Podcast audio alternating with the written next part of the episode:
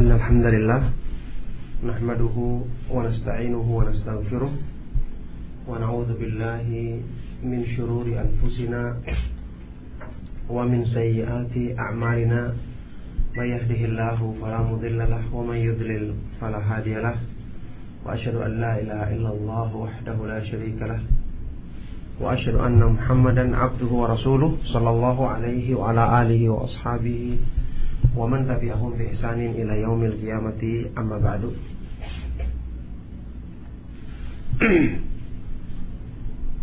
Saudara-saudaraku kaum muslimin para pendengar para pemerhati radio suara Quran Hafidhukumullah Alhamdulillah pada pagi hari yang cerah ini Allah subhanahu wa ta'ala mudahkan kita untuk bertemu di udara melalui radio yang semoga Allah Subhanahu wa taala senantiasa menjaga menjaga dan berkahinya ini. Dalam suasana iman dalam suasana semangat untuk mengusahakan sebab-sebab ketakwaan bagi diri kita masing-masing. Dalam suasana keinginan untuk berpegang teguh dengan pemahaman Islam yang benar di akhir zaman yang penuh dengan ujian dan uh, penuh dengan berbagai macam godaan-godaan keimanan. Maka sangat berbahagia sekali Allah Subhanahu wa taala mempertemukan saya secara pribadi dengan saudara-saudaraku yang memiliki semangat dalam upaya untuk mengamalkan agama Islam yang benar untuk mendekatkan diri dengan cara yang benar kepada Allah Subhanahu wa taala. Semoga Allah Subhanahu wa taala senantiasa melimpahkan taufiknya kepada kita untuk mencapai kebaikan-kebaikan dalam agamanya. Ya, tidak banyak yang ingin saya sampaikan. Saya cuma ingin mengingatkan ya apa yang sudah kita kenal tentang masalah takwa tentang masalah takwa yang tentu saja menjadi tujuan ya tujuan bagi setiap muslim yang ingin mencapai ridho Allah Subhanahu wa taala. Kita ketahui kalimat takwa mudah diucapkan tapi mewujudkannya secara tepat dalam diri kita tentu membutuhkan proses. Membutuhkan proses, membutuhkan waktu, membutuhkan latihan-latihan dan perjuangan-perjuangan untuk bisa mencapai atau meniti tangga takwa itu sedikit demi sedikit untuk sampai kepada puncaknya dengan taufik dari Allah Subhanahu wa taala. Ya, uh, sekedar mengingatkan mungkin kita semua pernah dengar definisi takwa yang disampaikan oleh salah seorang imam ahlu sunnah Talib ibnu, ibnu Habib imam ahlu sunnah dari kalangan tabi'in sewaktu beliau mengatakan semoga Allah merahmatinya. Idza waqa'atil fitnatu fa'atfi'uha bitaqwa kalau terjadi fitnah terjadi kerusakan terjadi berbagai masalah maka padamkanlah dengan takwa ini nasihat yang sangat berharga bahwa ternyata semua masalah yang kita hadapi masalah dunia apalagi masalah agama jalan keluarnya adalah kembali kepada Allah. Jalan keluarnya adalah dengan membenahi takwa dalam diri kita. Idza waqa'atil fitnatu fa'fi'uha taqwa. Kalau terjadi fitnah, maka padamkanlah dengan takwa. Faqila lahu maka ditanyakan kepadanya, "Wa ma taqwa?" Apa artinya takwa itu? Maka beliau semoga Allah merahmatinya menjawab, "At-taqwa an ta'mala bi ta'atillahi ala nurin min Allah tarju thawab Allah wa an tatruka maksiatallahi ala nurin min Allah takhafu iqab Allah Artinya takwa adalah kamu mengamalkan ketaatan kepada Allah. Ala nurin min Allah berlandaskan cahaya petunjuk dari Allah dengan tujuan kamu mengharapkan balasan pahala darinya wa anta truka maksiat Allah dan kamu meninggalkan perbuatan maksiat kepada Allah juga berlandaskan petunjuk cahaya dari Allah. Takhafu iqab Allah karena kamu mengkhawatirkan atau takut akan mendapatkan siksa Allah Subhanahu wa taala. Ini kalimat yang pantas ditulis dengan tinta emas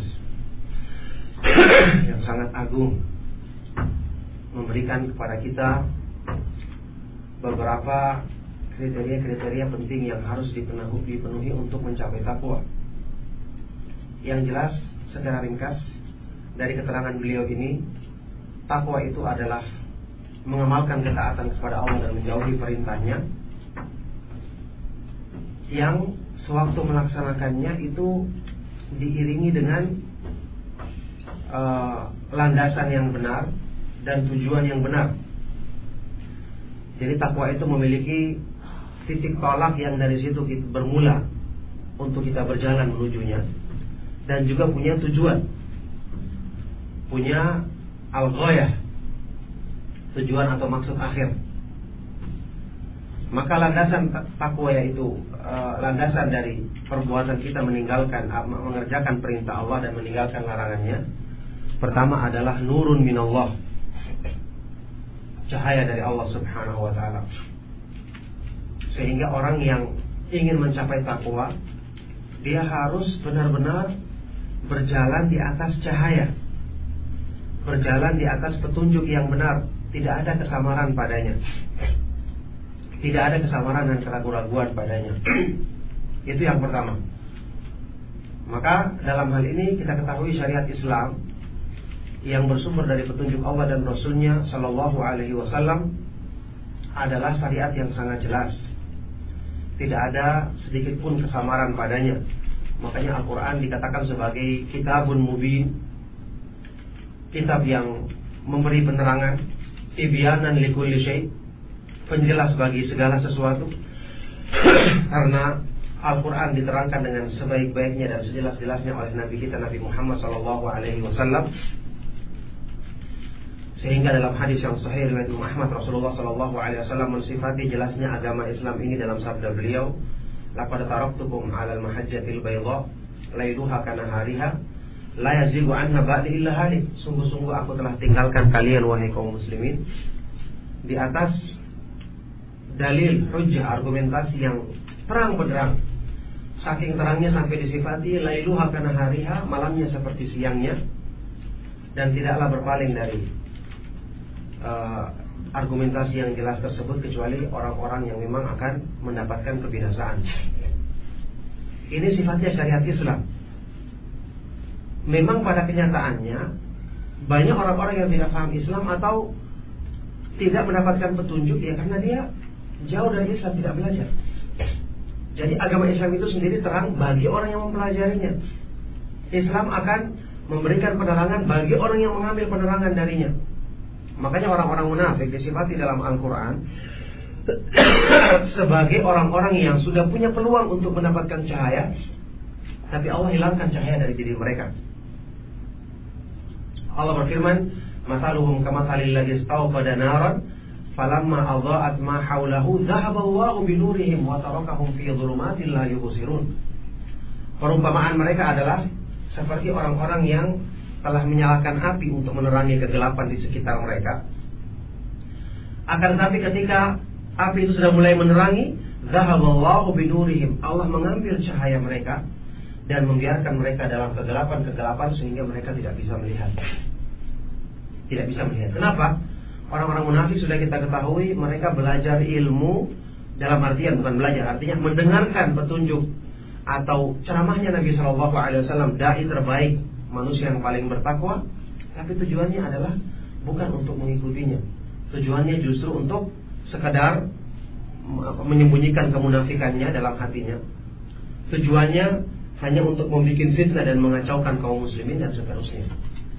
Ini petunjuk Allah Subhanahu wa taala. Oleh karena itulah Allah mensifati syariatnya dalam Al-Qur'an dengan dua sifat, nur dan ruh. Kehidupan dan cahaya.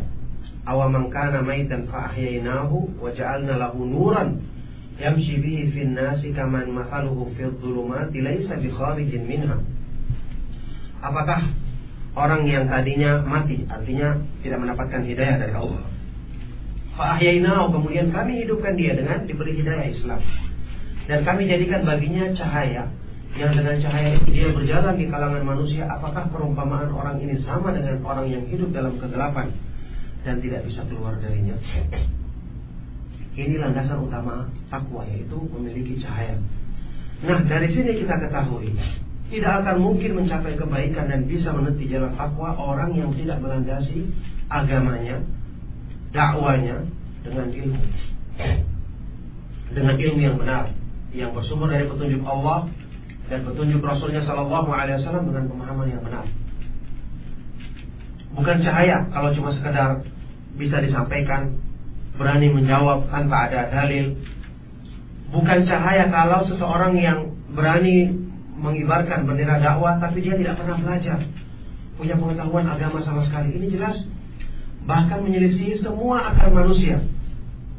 Kalau ilmu-ilmu dunia saja dipelajari membutuhkan waktu apalagi untuk bisa menjadi seorang yang dikatakan spesialis dalam ilmu tertentu bidang ilmu disiplin ilmu tertentu dia harus belajar sekian waktu lamanya padahal ilmu-ilmu dunia adalah ilmu-ilmu yang bisa didapatkan dengan percobaan, apalagi ilmu agama yang mayoritas pembahasannya adalah masalah-masalah akidah, masalah-masalah berhubungan dengan Allah yang maha gaib, iman kepada hari akhir juga masalah gaib. Tiba-tiba ada orang-orang yang membicarakannya tanpa pernah ditahu latar belakangnya belajar di mana, tidak punya juga apa ini e, latar belakang yang kuat dalam masalah hafalan terhadap Al-Quran, terhadap hadis Nabi Shallallahu Alaihi Wasallam, kemudian terhadap uh, keterangan dari para ulama ahlu sunnah yang mereka adalah orang yang paling paham tentang apa ini pemahaman Al-Quran dan sunnah Rasulullah SAW yang benar.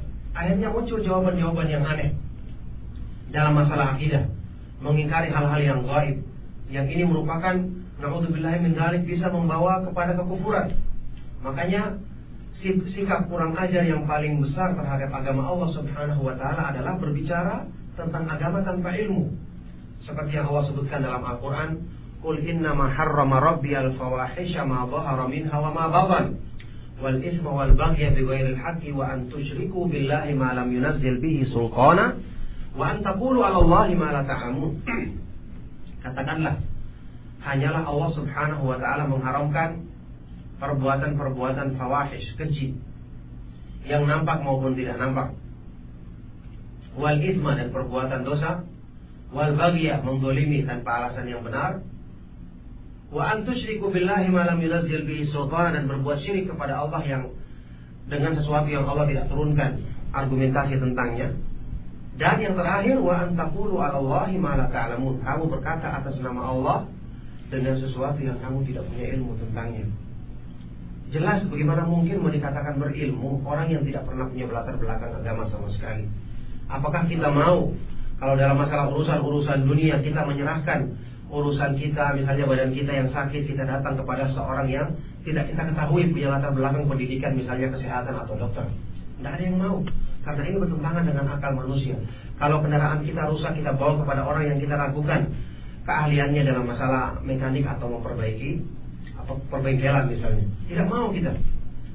Tapi kenapa dalam masalah-masalah yang lebih penting daripada masalah kesehatan badan dan kendaraan, yaitu masalah agama yang kita akan bawa menghadap Allah, kita nekat bertanya kepada semua orang, apalagi orang-orang yang tidak dikenal latar belakang keilmu, ke, keilmuan dalam masalah agama. Hanya sekedar pandai berbicara ini bukan ukuran ilmu. Ibnu Mas'ud pernah mengisyaratkan tentang munculnya orang-orang yang demikian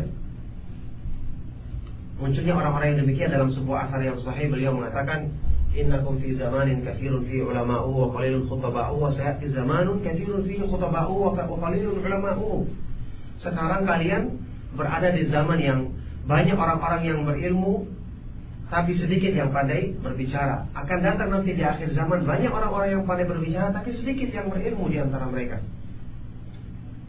Maka ini hal yang kita perlu perhatikan. Bagaimana mungkin kita akan membangun agama kita untuk bisa mencapai takwa kepada Allah? Kalau dari landasan-landasan penting masalah-masalah akidah yang kita butuhkan dalam agama kita sandarkan dari jawabannya orang-orang yang tidak mengenal agama sama sekali. Yang hanya menjawab dengan akal hawa nafsu atau perasaannya sekedar keluar suara, sekedar berani dan nekat yang semoga Allah Subhanahu wa taala tidak memperbanyak jumlah mereka dan semoga Allah Subhanahu wa taala memberikan hidayah kepada orang-orang yang bertobat di kalangan mereka ini. Yang jelas ini merusak keyakinan, merusak uh, tujuan seorang muslim untuk mencapai takwa kepada Allah Subhanahu wa taala. Jawaban-jawaban yang ngawur yang tidak dilandasi dengan ilmu maka hendaknya bertakwa kepada Allah. Seseorang yang ingin memperbaiki agamanya dan seseorang yang menyesatkan manusia dari jalan Allah Subhanahu wa taala seperti uh, modelnya mereka-mereka yang berani berbicara tanpa tanpa ilmu ini. Ayat yang saya bacakan tadi di situ kata Ibnu Qayyim Allah menyebutkan urutan-urutan dosa. Fawahish, perbuatan keji ini urutan yang paling rendah, yang nampak maupun tidak nampak. Perbuatan dosa. Setelah itu al-isma, kejahatan ya.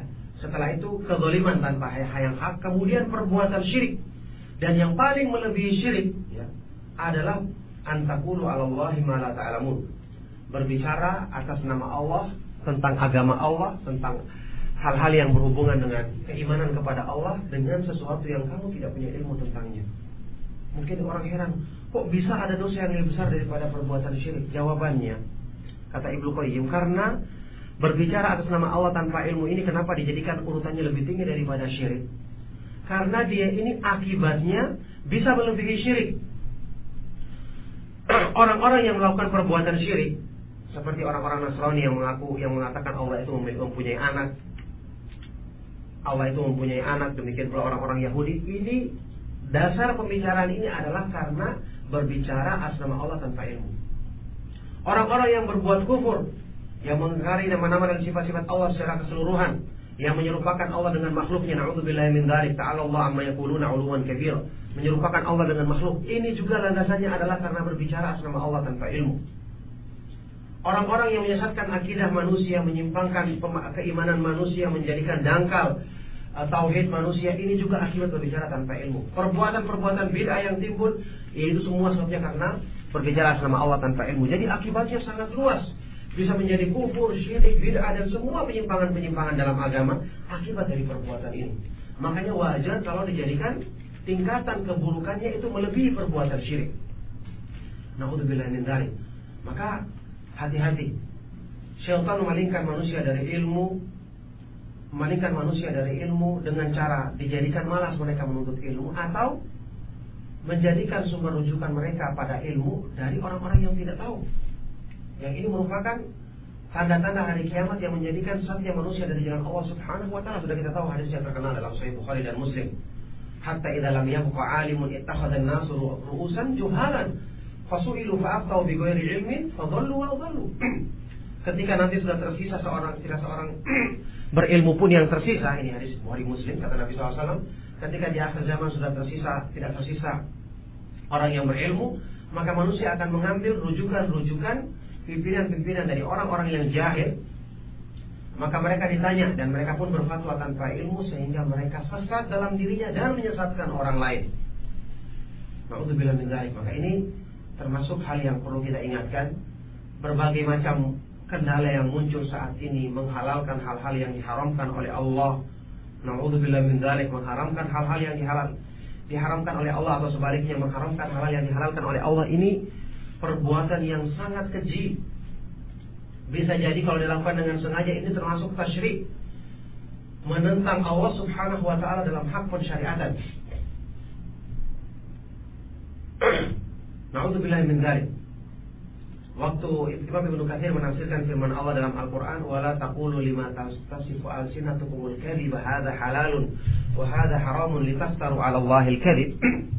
Dan janganlah kalian mengucapkan dengan apa-apa yang disifatkan oleh lisan-lisan kalian secara dusta ini hal yang haram, ini hal yang halal untuk kamu mengadakan kedustaan atas nama Allah.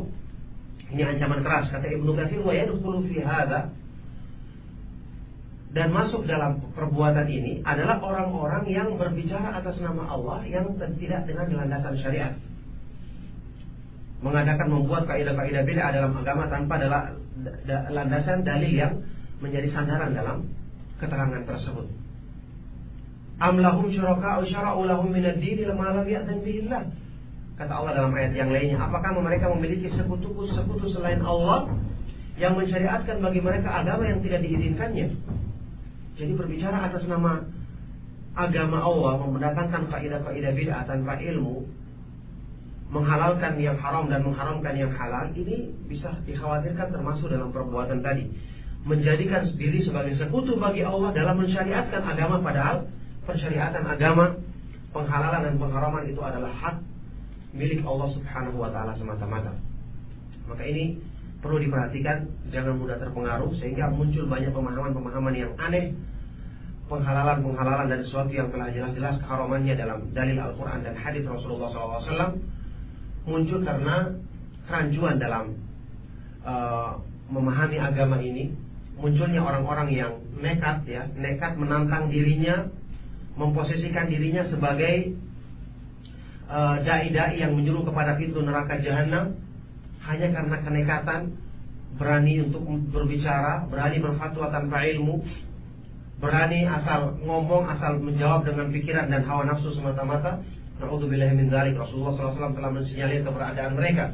Dalam hadis yang sahih riwayat Bukhari Muslim ketika muncul fitnah-fitnah di akhir zaman Rasulullah SAW mengatakan du'atun ala wabi jahannam. Dai-dai yang berdiri di pintu-pintu neraka jahannam. Man ajabahum ilaiha qadhafuhu fiha. Barang siapa yang mengikuti seruan dakwah mereka maka mereka dai-dai tersebut akan menyerumuskannya ke dalam neraka jahannam. Ciri-ciri mereka adalah kata Nabi SAW dalam hadis yang sahih riwayat Bukhari Muslim ini Kaumun yastannuna bi ghairi sunnati wa yahtaduna bi ghairi hadi. Mereka adalah orang-orang yang mengambil sunnah dari selain sunnahku dan menjadikan petunjuk dari dari selain petunjukku.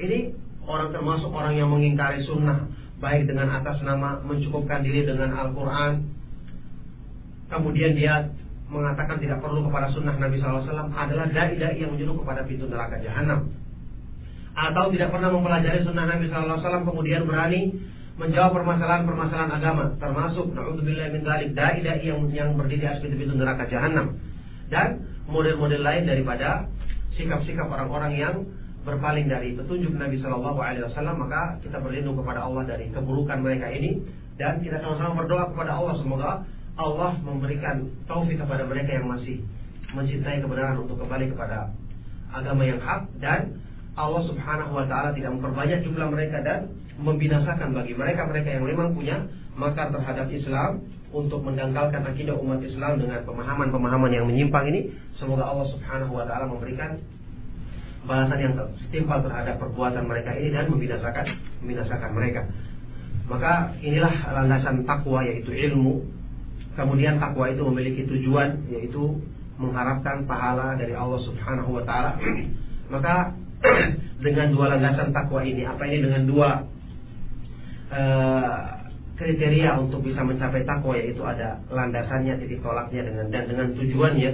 Berarti tujuannya adalah semata-mata mengharapkan balasan dari Allah Subhanahu wa taala. Di sini berhubungan dengan ikhlas ya. Ikhlas mengikhlaskan dia dalam menjalankan amalan kebaikan atau meninggalkan perbuatan maksiat. Dengan ini barulah seseorang dengan taufik dari Allah Subhanahu wa taala agar, apa ini bisa meniti uh, tangga untuk mencapai takwa sedikit demi sedikit sampai mencapai puncak atau kesempurnaannya. Ya, mungkin coba ini yang bisa saya sampaikan, waktunya singkat ya. Semoga Allah Subhanahu wa taala memberikan taufiknya kepada kita semua untuk senantiasa berpegang teguh dengan agamanya dan menjauhkan diri dari segala sesuatu yang menyimpangkan kita dari agamanya yang lurus ini. Saya cukupkan dan minta maaf segala kekurangannya. Sallallahu wasallam mubarak ala nabiyina Muhammadin wa ala alihi wa ashabihi wa man tabi'ahum bi ihsan yaumil qiyamah wa akhiru da'wana alhamdulillahi rabbil alamin. Dari pendengar kita yang menanyakan tentang bagaimana sikap kita terhadap orang-orang yang mereka menghalalkan apa yang telah diharamkan oleh Al-Quran dan hadis dengan jelas seperti dalam masalah katak dan anjing dengan alasan bahwasanya hal tersebut tidak disebutkan dalam Al-Quran. Iya, ini contoh-contoh orang-orang yang ingkar terhadap sunnah. Allah berfirman, "Mayyuti'ir rasulah faqad atau Allah" dalam Al-Qur'an. Surat An-Nisa, barang siapa yang taat kepada Rasul, maka sungguh dia telah taat kepada Allah. Maka orang yang mengingkari sunnah berarti dia ingkar kepada Allah. Dan inilah yang saya sebutkan tadi ciri-cirinya yang disebut oleh Nabi SAW dalam hadis Bukhari Muslim sebagai tu'atun ala abwabi jahannam. Dai-dai yang menyeru berdiri di atas pintu-pintu neraka jahanam. Maka ini pemahaman yang harusnya kita ingkari, kita nasihati masyarakat untuk menjauhi pemahaman yang sesat seperti ini. Karena jika mereka mengingkari sunnah, maka akan banyak nanti pengingkaran-pengingkaran terhadap agama kita yang sudah jelas-jelas kebenarannya. Tanyakan kepada mereka bagaimana Anda bisa melaksanakan sholat. Apakah sholat diterangkan dalam Al-Quran cara-caranya, mulai dari salam, mulai dari takbiratul ihram sampai salam? Tidak ada. Sunnah yang merinci semua itu. Makanya katakan juga kepada mereka, kenapa kalian mengucapkan wa asyhadu anna Muhammadar Rasulullah kalau kalian mengingkari petunjuk yang beliau bawa? Maka ini adalah satu pemahaman yang naudzubillah min sangat menyimpang dari Islam. Sangat menyimpang dari Islam, maka kita berusaha untuk mengingatkan masyarakat agar menjauhi pemahaman tersebut. Adapun mungkin dalam sebagian masalah yang mereka sebutkan, bisa jadi itu bukan merupakan inti masalah. Cuman uh, efeknya saja ya seperti tadi masalah-masalah yang berhubungan dengan pengharaman satu jenis-jenis binatang tertentu. Ya, kita tahu memang pendapat yang kuat yang berdasarkan dalil adalah ini tapi mereka mungkin akan me, me, me, adanya permasalahan khilaf dalam masalah ini. Ini tidak jadi bukan jadi masalah inti, tapi inti pemahamannya, dasarnya mereka dalam menetapkan tersebut itu yang dipermasalahkan. Kalau mencukupkan diri dengan Al-Quran terus tidak melihat sunnah terus, apakah kalian lebih paham terhadap Al-Quran daripada Rasulullah SAW? Padahal Al-Quran diturunkan kepada beliau dan padahal beliau yang ditugaskan oleh Allah untuk menjelaskan makna Al-Quran seperti firman Allah dalam Surat An-Nahl ayat 44, "Wa anzalna ilaika dzikra litubayyana lin-nasi ma nuzila ilaihim." Dan kami turunkan kepadamu Al-Qur'an ini ya Rasulullah supaya kamu jelaskan kepada manusia, kepada mereka apa yang diturunkan kepada mereka. Maka Rasulullah adalah diberi tugas oleh Allah untuk menjelaskan Al-Quran. Masa mereka-mereka ini lebih paham mana Al-Quran daripada Rasulullah SAW yang telah mengharamkan sebagian dari binatang-binatang tersebut. Ya. Maka dijauhi dan berdoa kepada Allah agar Allah Subhanahu Wa Taala memberikan petunjuk kepada mereka-mereka yang masih mau kembali kepada kebenaran dan membinasakan mereka-mereka yang memang punya mata terhadap agama Islam untuk mendangkalkan keyakinan kaum muslimin Dari penur kita yang menanyakan bagaimana kiat-kiat supaya kita istiqomah dalam ketakwaan dan kesabaran dan juga selalu menjaga istiqomah dalam melaksanakan agama Islam ini. Ya, kiat-kiat untuk istiqomah tentu saja karena kita tahu keteguhan iman itu adalah di tangan Allah Subhanahu wa taala semata-mata. Maka mintalah kepada zat yang maha mampu menguatkan hati kita dan meneguhkannya itu Allah Subhanahu wa taala. Banyak berdoa, banyak menunjukkan rasa tunduk dan kebutuhan akan istiqomah ini di hadapannya karena Allah itu akan memberikan pengabulan doa kepada manusia sesuai dengan kadar kebutuhan manusia tersebut terhadap hidayah dan taufik darinya. Oleh karena itu ini penting kita berdoa dengan menunjukkan rasa benar-benar butuh sehingga Allah Subhanahu wa taala akan merahmati kita dan memberikan apa yang kita minta kepadanya. Kemudian lakukan sebab-sebab untuk istiqomah yang, yang diterangkan dalam banyak. Dan karena waktu saya ringkas yaitu apa ini sebab untuk istiqomah yang paling utama adalah membaca Al-Quran dengan merenungkan artinya. Kemudian memahami dan mengamalkan dengan baik dua kalimat syahadat la ilaha illallah Muhammad Rasulullah. Membaca kisah-kisah para nabi dan orang-orang yang saleh. Kemudian berzikir kepada Allah subhanahu wa ta'ala sambil merenungkan artinya selalu bergaul dengan orang-orang yang baik, orang-orang yang saleh, menghadiri majelis-majelis ilmu, meminta nasihat kepada orang-orang yang akhlaknya baik. Ini di antara sebab-sebab istiqomah dan uh, semua disebutkan dari dalil dalam Al-Quran dan Sunnah Nabi Shallallahu Alaihi Wasallam yang saya sebutkan secara ringkas ya. Kita bacakan Ustaz tentang solusi bagaimana menghadapi keluarga yang telanjur mengikuti satu kelompok yang menyimpang dari kebenaran seperti mereka mengingkari syafaat. Mengingkari syafaat yang telah disebutkan dalam hadis-hadis yang sahih riwayat Bukhari Muslim. Yang di antaranya hadis Abu Hurairah radhiyallahu anhu sabda Rasulullah SAW dalam hadis dalam Sahih Bukhari asyadun nasi apa ini? As'adun nas syafaat yaumul qiyamah. Man qala la ilaha illallah khalisan min qalbi orang yang paling berbahagia mendapatkan syafaatku pada hari kiamat adalah orang-orang yang mengucapkan la ilaha illallah ikhlas dari dalam hatinya. Maka mengingkari syafaat ini pemahaman yang aneh nyeleneh. Tidak dikenal oleh para ulama. Para ulama yang ada di Masjid Nabawi, Masjidil Haram, para imam yang berkhutbah selalu menetapkan masalah syafaat, menetapkan masalah-masalah akidah yang lainnya. Maka naudzubillah min dzalik orang yang mengingkari syafaat dan kemuliaan-kemuliaan yang Allah sediakan di akhirat nanti, itu yang terancam pertama kali diharamkan untuk mendapatkan kebaikan tersebut. Karena Ibnu Katsir dalam keterangannya dalam kitabnya An-Nihayah fi Kitab wal Malahim pernah mengatakan menukil ucapan salah seorang ulama salaf yang mengatakan man kadzaba bi karamatin lam yanalha. Barang siapa yang mengingkari satu kemuliaan dalam Islam, maka dia tidak akan pernah mencapai kemuliaan tersebut. Orang yang mengingkari kenikmatan dalam kubur, dia tidak akan mendapatkan kenikmatan tersebut dan mungkin dia terancam untuk menjadi pertama kali diadab dalam kuburnya.